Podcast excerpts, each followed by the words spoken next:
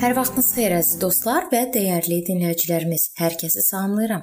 Mənim adım Sona və sizi Allahla 5 dəqiqə adlı podkastımızda xoş gördüm. Bu gün biz böyüklərin valideynlərinə münasibəti barədə danışmağa davam edirik.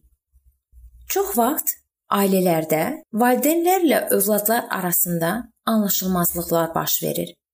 Anlaşmanın olmadığı hallarda Düşünürəm ki, qəlbimizdəki qarşılıqlı hörməti saxlamaq iqtidarındayıq. Belə ehtiram Analar günündə bahalı güllər və ya həqiqi səmimiyyətin olmadığı xoş sözlərin yazıldığı açıqca şəklində, formal olaraq sevgi və hörmətdə deyil, real hərəkətlərdə təzahür edir. Valideynləri belə dırnaqarası hörmətlə aldatmaq qeyri-mümkündür. Onlar bunun nə demək olduğunu bilirlər. Bəzən inadçıl adamlar İsa'nın keçən görüşdə dediyim sözləri ilə özlərinə bəraət qazanmaq istəyirlər. Hansı söz? Matta 10:36-da yazılıb. İnsanın düşməni öz ev əhli olacaq. Belə insanların üsyankar ruhu təkcə yazının bu ayəsini necə bir təkəbbürlə istifadə etmələri ilə anındaca faş olur. Onlar valideynlərinin verdiyi tərbiyəyə nifrət edirlər Onların bəzi arqumentləri əsaslandırılmış olur. Ola bilsin, valideynlərinin onlara öyrətdiyi ənənələr formal şeyə çevrilib. Ola bilsin, onların valideynləri uşaqları ilə danışarkən özlərini cismani aparıblar. Amma belə hallarda da valideynlərin öyrətdiklərinə məhəl qoymamaq olmaz. Xüsusən də əgər onlar sizi səmimi olaraq düzgün yola yönləndirmək fikrində olublarsa. Məgər İsa valideynlərə nifrət etmək barədə danışmırmı? Bəli, ancaq elə həmin kontekstdə də o öz həyatına nifrət etmək barədə də danışır. Luka 14:26-da oxuya bilərsiniz. İsa'nın ardıcılları başqalarını deyil, özlərini çarmıxa çəkirlər. Onlar itaətkardılar və Məsihə sevgilərini ishar etmək üçün fürsət axtarırlar. Onlar öz valideynlərinə hörmət edirlər və onlara həmişə ilk fürsətdəcə kömək etmək istəyirlər. Əgər övladlarınızın yaxşı adam kimi yetişməsini və bizə ehtiram göstərmələrini istəyiriksə, onların bizdə valideynlərimizə olan hörməti görə bilmələri üçün çalışmalıyıq. 1-ci Timotey 5:1-də yazılıb: Ağsaqqalla sərt danışma, ona ata kimi nəsihət ver.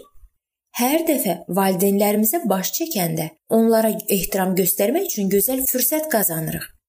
Əgər uşaqlarımız atamızı və ya anamızı masa arxasında ən yaxşı yerdə əyləşdirmək üçün necə çalışdığımızı və ya günəş şüalarının onların gözünə vurmaması üçün pəncərəni necə örtdüyümüzü görsələr, bunu əbədi yaddaşlarına həkk edəcəklər. Və ya məsələn, yola çıxarkən atamın təklif etdiyi marşrutu seçirik. Bu da valideynlərimizə hörmətin bir nümunəsidir. Amma yaşlı adam bizimlə bir evdə yaşayırsa və damın necə təmirinin, qulağın necə müalicəsinin, qonaqları necə qarşılamağının və ya uşaqları necə cəzalandırmağının lazım olduğu barədə oturuşmuş anlayışları varsa, onda vəziyyət mürəkkəbləşir. Son nəticədə Ailəmizə görə Allah qarşısında məsuliyyəti valideynlərimiz yox, biz daşıyırıq. Öhdəmizə belə bir məsuliyyət buraxmaqla yanaşı Allah bizi hakimiyyətlə də təmin edib. Biz müstəqil olaraq qərar qəbul etməliyik. Amma bununla yanaşı istənilən halda ehtiram göstərməkdə davam etməliyik. Biz gülümsəməli və əgər mümkünsə, nənəmizin dediyi ilə hərəkət etməliyik. Amma nənəmizin düzgün hesab etdiyi kimi yox, fərqli hərəkət etməli olsaq, bunu elə etməliyik ki, qadın bunu hiss etməsin.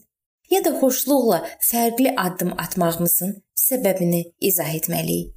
Digər məsləhətləri isə biz növbəti görüşümüzdə araşdıracağıq.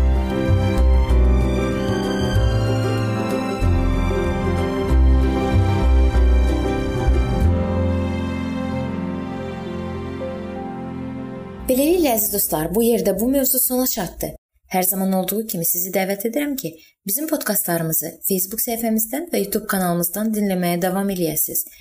Nəzərinizə çatdırım ki, müqəddəs kitabı araşdırmaq istəyənlər linkə daxil olaraq qeydiyyatdan keçə bilərlər. İndi isə mən sizinlə sağollaşıram və növbəti görüşlərdə görmək ümidi ilə sağ olun, salamat qalın.